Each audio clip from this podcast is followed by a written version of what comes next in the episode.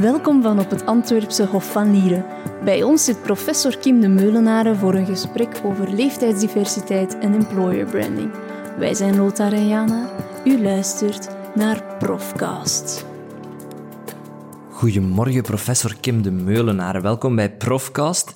Jij bent sinds vorig jaar professor aan de U Antwerpen en je houdt je bezig met onderzoek naar de leeftijdsdiversiteit in organisaties. Is dat een hot topic? Dat is zeker en vast een hot topic. Uh, iedereen weet dat onze bevolking aan het vergrijzen is. En we horen daar de impact van op onze sociale zekerheidssystemen enzovoort. Maar dat heeft ook een enorme impact op hoe organisaties eruit zien.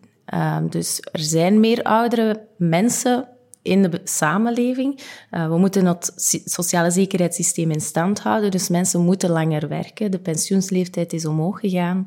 Uh, en dat betekent natuurlijk dat we nu ook een grotere mix aan jong en oud hebben op de, in organisaties. En dat is dus zeker een topical issue, want heel veel organisaties weten niet hoe ze met die groeiende mix van jong en oud moeten ja, gaan werken. En jij onderzoekt dan hoe er met die mix gewerkt moet worden? Deels. Dus uh, mijn grootste focus op het onderzoek ligt naar wat zijn de implicaties, wat zijn de gevolgen van leeftijdsdiversiteit voor organisaties. Werkt dat of werkt dat niet? Dus dat is mijn grootste um, focus binnen het onderzoek. En werkt het of werkt het niet? Dat is een heel moeilijke vraag om te beantwoorden. Um, als we het goed zouden aanpakken, en in sommige gevallen werkt het heel goed, uh, maar het heeft ook grote nadelen. Dus er wordt heel vaak gezegd dat uh, leeftijdsdiversiteit, zoals alle andere vormen van diversiteit, een tweesnijdend zwaard zijn.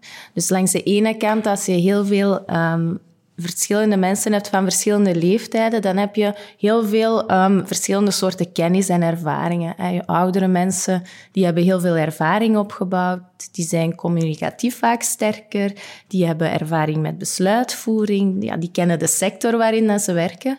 En dat zijn sterktes die jongeren niet hebben, maar jongeren hebben dan hun eigen sterktes. Zij komen um, recht van de schoolbanken, dus zij hebben de laatste kennis die nodig is, de laatste nieuwe ontwikkelingen. Ze zijn ook sneller mee als er technologische veranderingen zijn of als er verandering is in de organisatie. En dat zijn allemaal eigenschappen van jong en oud die heel waardevol zijn voor organisaties.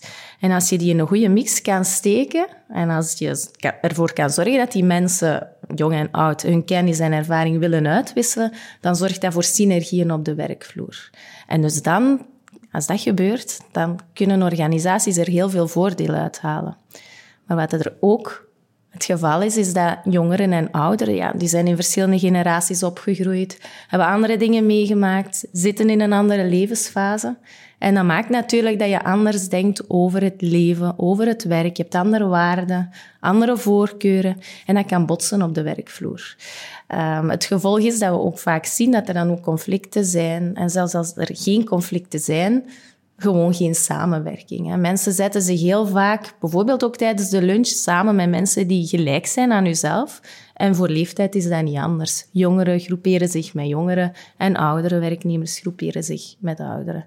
Dat, dat, dat houdt ook steek, dat is ook logisch, want je hebt gewoon meer te delen, want je zit in dezelfde levensfase. Maar dat maakt ook dat er, heel, dat er veel minder wordt uitgewisseld. Kennis wordt uitgewisseld, ideetjes wordt uitgewisseld. Er wordt minder geband na de uren. En dat heeft zijn gevolgen.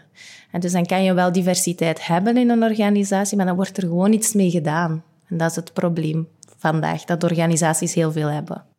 Maak jij dan ook aanbevelingen van hoe bedrijven dat beter kunnen aanpakken? Ja, er zijn eigenlijk twee grote luiken binnen mijn onderzoek. En het eerste luik is, hoe moet de leeftijdsverdeling er best uitzien om een zo hoog mogelijke kans, een zo groot mogelijke kans te hebben dat die positieve effecten gaan voorkomen. Dat je die voordelen hebt, die kennisuitwisseling, die kennissynergieën. Um, en dan moeten we kijken naar de leeftijdsverdeling. En er zijn twee soorten leeftijdsverdelingen en die noemen wij variatie en polarisatie. Een variatie wil zeggen dat je eigenlijk van alle leeftijdscategorieën wel een aantal mensen hebt en dat die verdeling redelijk evenredig is. Dat je dus evenveel twintigers hebt, dan evenveel 25ers, evenveel dertigers en ga zo maar door tot, tot aan de pensioenleeftijd. En dat noemen we leeftijdsvariatie. En als daar een hoge mate van is, dan heb je dus enerzijds allemaal die verschillende vormen van kennis, maar anderzijds zorg je er ook voor dat er genoeg werknemers zijn die de brug kunnen vormen tussen werknemers die een beetje jonger zijn en werknemers die een beetje ouder zijn. En dat vergemakkelijkt de interactie tussen mensen op de werkvloer. En we zien dan ook dat als er heel veel leeftijdsvariatie is, dat was aan de hand van een steekproef van ongeveer 3000 Vlaamse bedrijven over vier jaar, hebben we die gevolgd, dat die bedrijven die, hoe, uh, die hoog zijn, die gemiddeld hoog zijn op vlak van leeftijdsvariatie, dat die 2,5% productiever zijn dan bedrijven die niet die variatie hebben. Maar dan zien we ook, hè, dat is de andere leeftijdsverdeling dan, dat je ook leeftijdskloven kan hebben. En dat komt heel vaak voor. Um, leeftijdskloven, daarmee bedoel ik dat er bijvoorbeeld een twintiger is, een dertiger, maar dan ineens niemand meer en dan terug vijftigers. Dat is nu in het extreme. En dat noemen we leeftijdspolarisatie. En wanneer komt dat voor? Bijvoorbeeld in overheidsorganisaties is er op bepaalde momenten een um, recruteringsstop. Er wordt een aantal jaar niemand meer aangenomen en dan starten ze terug. En dan heb je heel veel jongeren, maar dan heb je dus eigenlijk een cohorte gemist. En dat is problematisch, want hoe groter die kloven zijn, hoe groter, hoe meer opvallend dat er verschillende waarden zullen zijn tussen mensen van verschillende leeftijden. En dan ga je die groepjes creëren op de werkvloer, naast de werkvloer, en dan gaat er geen interactie zijn. En we zien dat ook in onze resultaten. Um, hoe hoger de mate van leeftijdspolarisatie, dus hoe, hoe, meer leeftijdskloven er zijn in een organisatie, hoe lager de arbeidsproductiviteit. Dat is het eerste luik, de verdeling. En dan een andere vraag is, wat kunnen organisaties eraan doen? Want het is heel vaak zo dat je niet echt de mogelijkheid hebt als organisatie om um, zomaar iets te veranderen aan je leeftijdsverdeling. Je gaat geen werknemers ontslagen puur en alleen omdat ze niet de juiste leeftijd hebben om voor variatie te zorgen en dan maar een aantal mensen die je nodig hebt van een bepaalde leeftijd aan te nemen. Dat gebeurt niet. Mijn organisaties hebben daar het budget ook niet voor. Um, dus de vraag is dan van, oké, wat moeten we doen als we wel leeftijdskloven hebben? Uh, hoe pakken we dat aan? En de bedoeling dan is om um, een inclusief beleid te voeren. En met inclusief bedoelen we van, oké, zorg ervoor dat je die verschillen erkent en dat je die verschillen ook effectief gebruikt. Dat je niet gewoon de mensen van verschillende leeftijden in uw werkvloer daar brengt. Niet verwachten dat de, de magie vanzelf gaat gebeuren, maar zorg ervoor dat die verschillen effectief worden gebruikt. Dat alle mensen kunnen deelnemen aan besluitvoering, dat mensen van alle leeftijden kunnen ideeën delen en ja, deelnemen eigenlijk. En als je die verschillen gebruikt, dan, gaan ze, ja, dan pas gaan de voordelen tot uiting komen. Dan pas gaat die kennis worden uitgewisseld en gaan er synergieën zijn.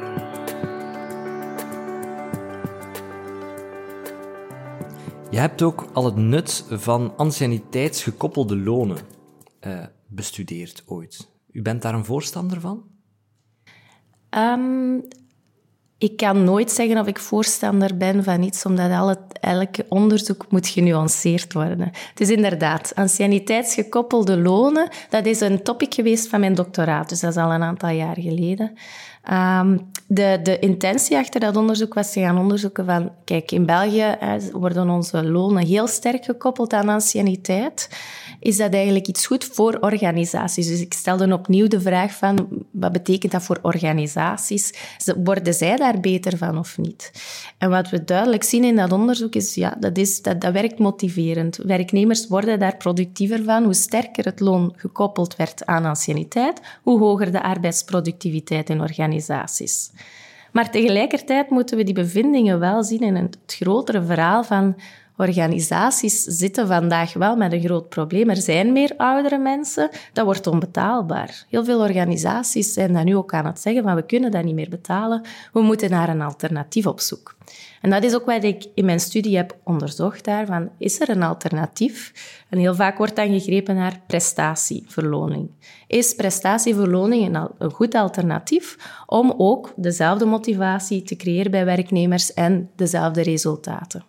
En wat we vinden is um, dat voor sommige bedrijven, voor sommige types bedrijven, dat een heel goed alternatief is.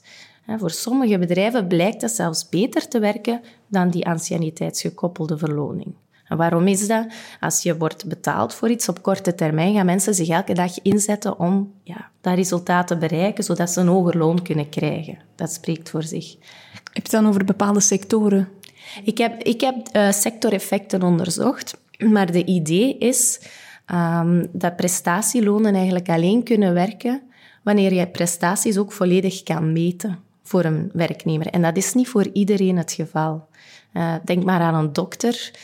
Het, de vraag is, hoe ga je die op basis van prestaties belonen? Uh, je kan niet een dokter pas gaan belonen als de patiënt genezen is. Dan gaat niemand nog de moeilijke diagnoses willen aanpakken. Ik heb onlangs met iemand gesproken uh, uit Turkije.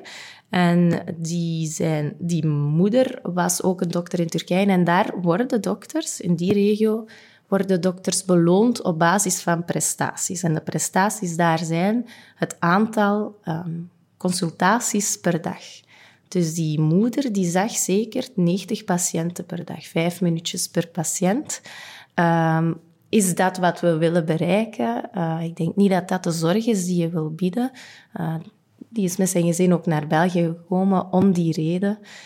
Um, dus de vraag stelt zich van, uh, kunnen we prestaties meten? Als dat volledig kan gemeten worden in iemand zijn takenpakket, zien we ja, het werkt.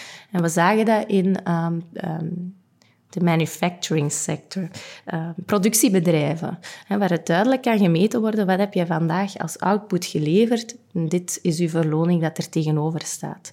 Maar in dienstenbedrijven werkt dat helemaal niet. Daar was het contraproductief. Dus hoe sterker dat daar het loon afhing van de prestaties, van de individuele prestaties van een werknemer, hoe lager de productiviteit van het bedrijf was.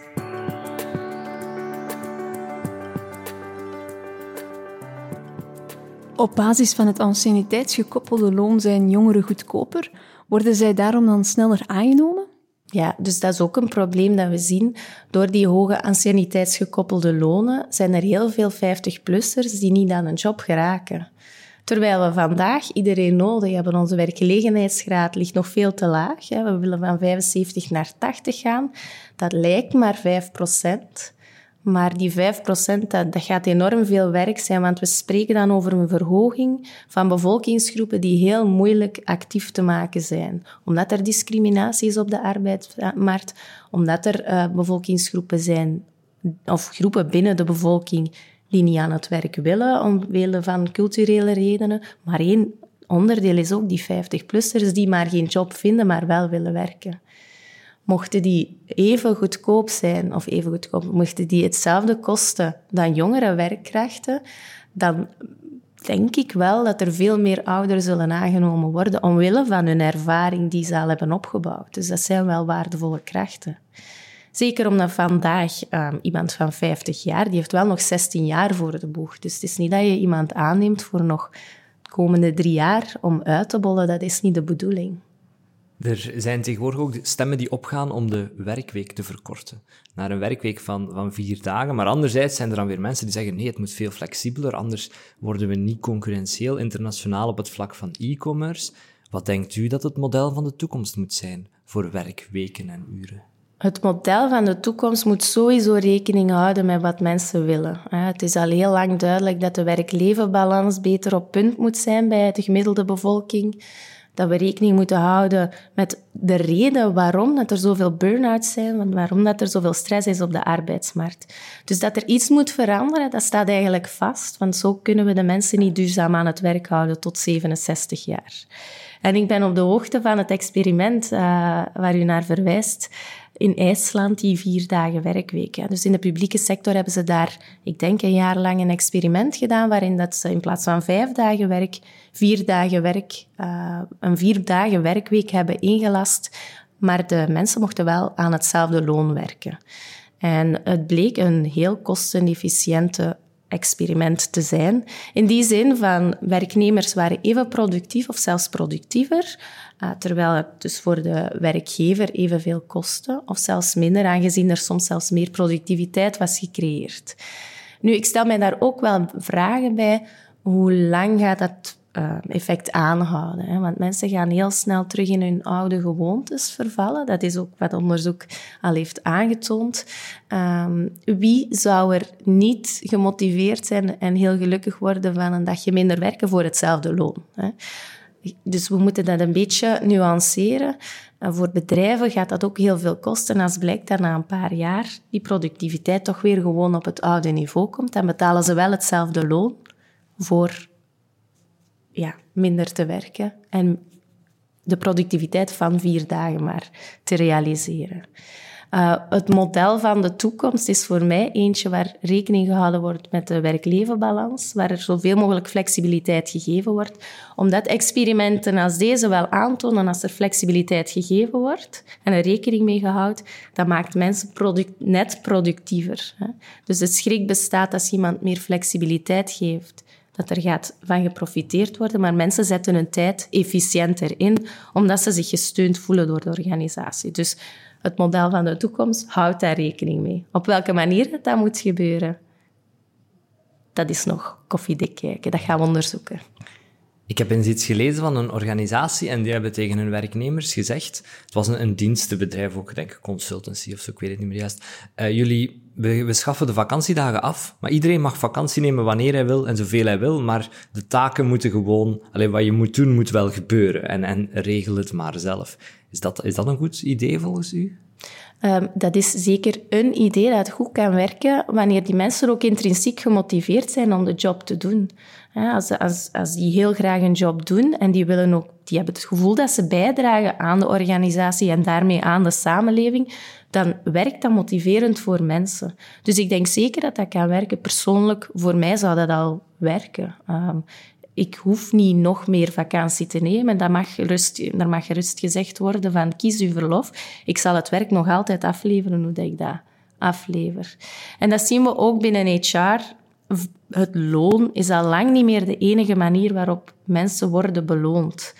Naast het loon heb je ook natuurlijk je extra legale voordelen, maar ook je ontwikkelingsmogelijkheden, je werkomgeving, in welke mate word je gesteund, in welke mate kan je um, doorgroeien in een organisatie. En dat zijn allemaal dingen waarmee dat een organisatie zijn werknemers kan belonen en waardoor werknemers gemotiveerd worden om te presteren.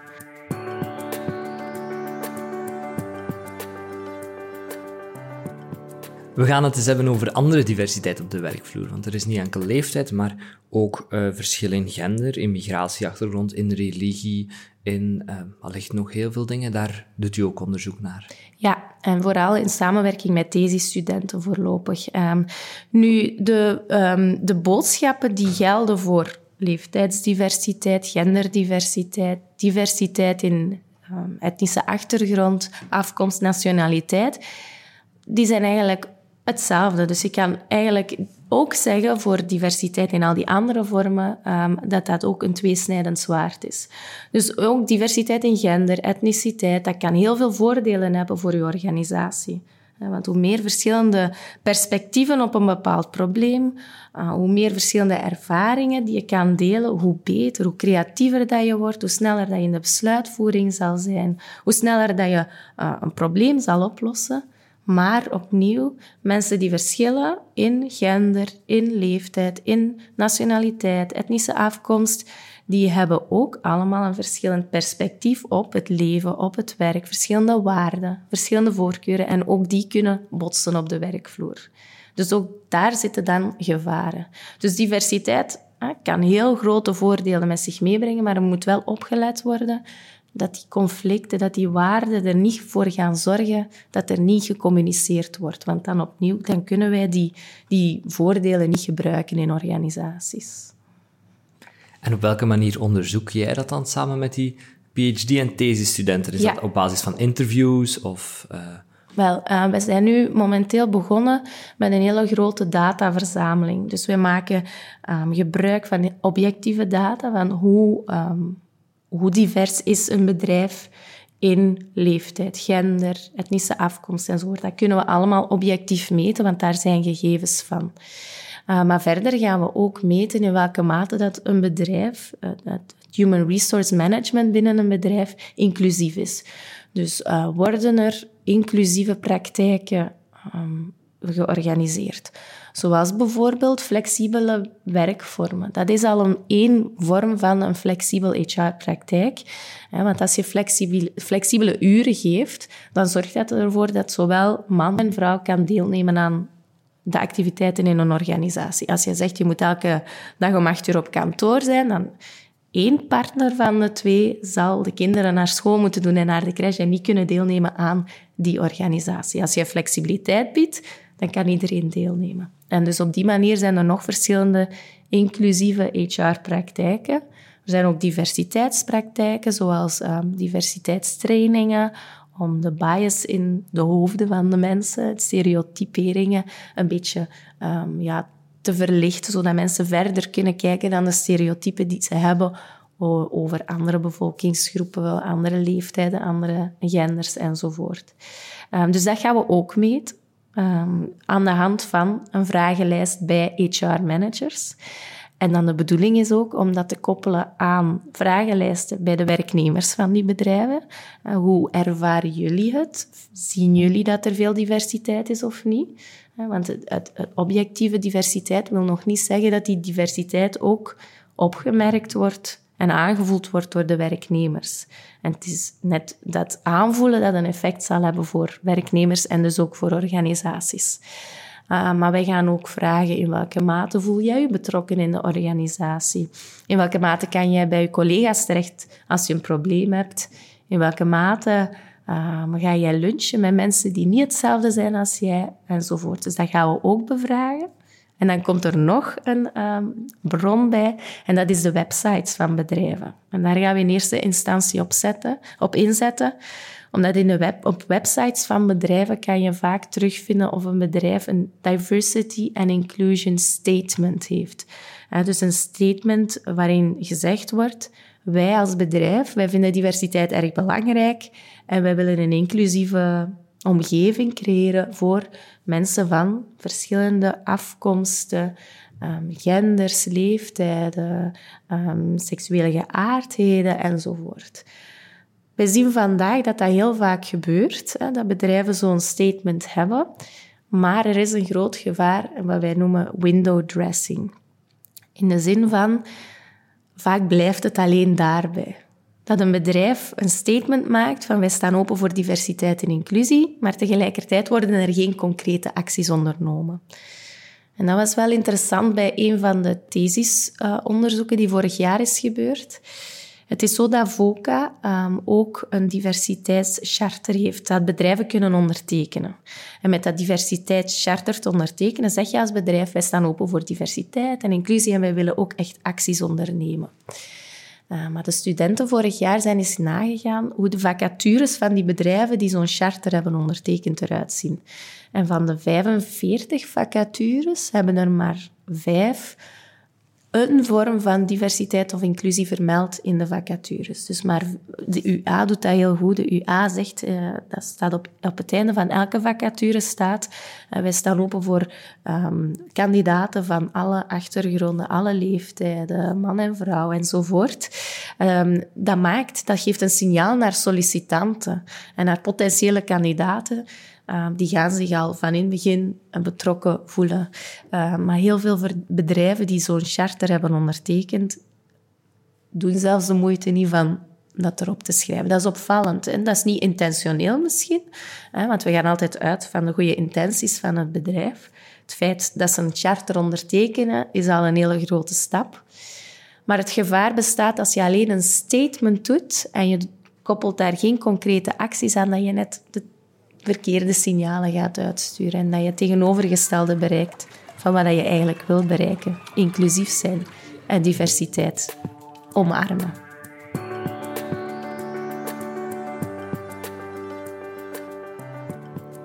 Professor Kim de Meulenaar is ook geïnteresseerd in alles wat te maken heeft met employer branding. Dus employer branding, dat is eigenlijk dat je als organisatie je eigen een, een, een imago geeft. Dat is, employer branding is een manier waarop anderen u als organisatie ziet. En wat je wil is dat je een aantrekkelijke organisatie bent. En dat buitenstaanders denken dat is een aantrekkelijke werkgever om die en die en die reden. En uw employer branding, dat is dan u, um, u als uw eigen als organisatie uh, waarden aanmeten, aangeven van hier staan wij voor, dit doen wij voor onze werknemers, dit doen wij voor de maatschappij. Dat kan in heel veel verschillende vormen voorkomen. Je kan bijvoorbeeld hele um, zotte voordelen geven voor werknemers die bij jou willen komen werken, zoals Netflix. Um, die betalen de geslachtsoperaties terug van iemand die van gender wilt veranderen. Ja, dat is een vorm van employer branding en zo zijn er nog extreme voorbeelden. We weten ook dat Google, hè, bij Google krijg je veel meer ouderschapsverlof ook als man. Um, ja, dat, dat maakt u een aantrekkelijke werkgever.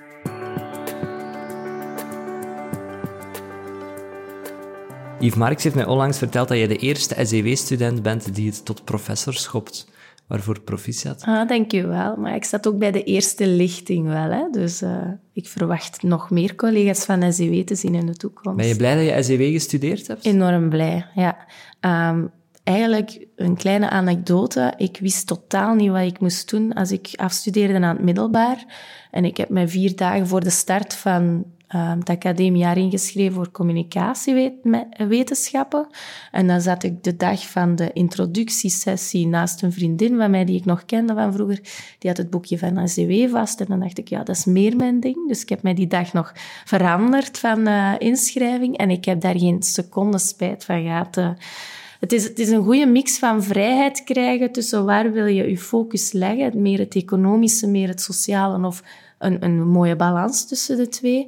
En ook, hè, want dat is wel ook veel sterker geworden over de jaren, de programma's die ook wel een beetje vaster gezet zijn uh, en voor u allez, vastgelegd zijn. Dus ik heb, ik heb daar enorm veel uit geleerd. Um, die mix van dat sociale en dat economische, dat wordt ook heel hard um, gewaardeerd op de arbeidsmarkt. Als ik kijk naar de studenten waar ik mee heb gestudeerd, hoe divers wij zijn terechtgekomen, daarvan krijg ik het beeld van, oké, als je dit diploma op zak hebt, kan je eender wat nog doen.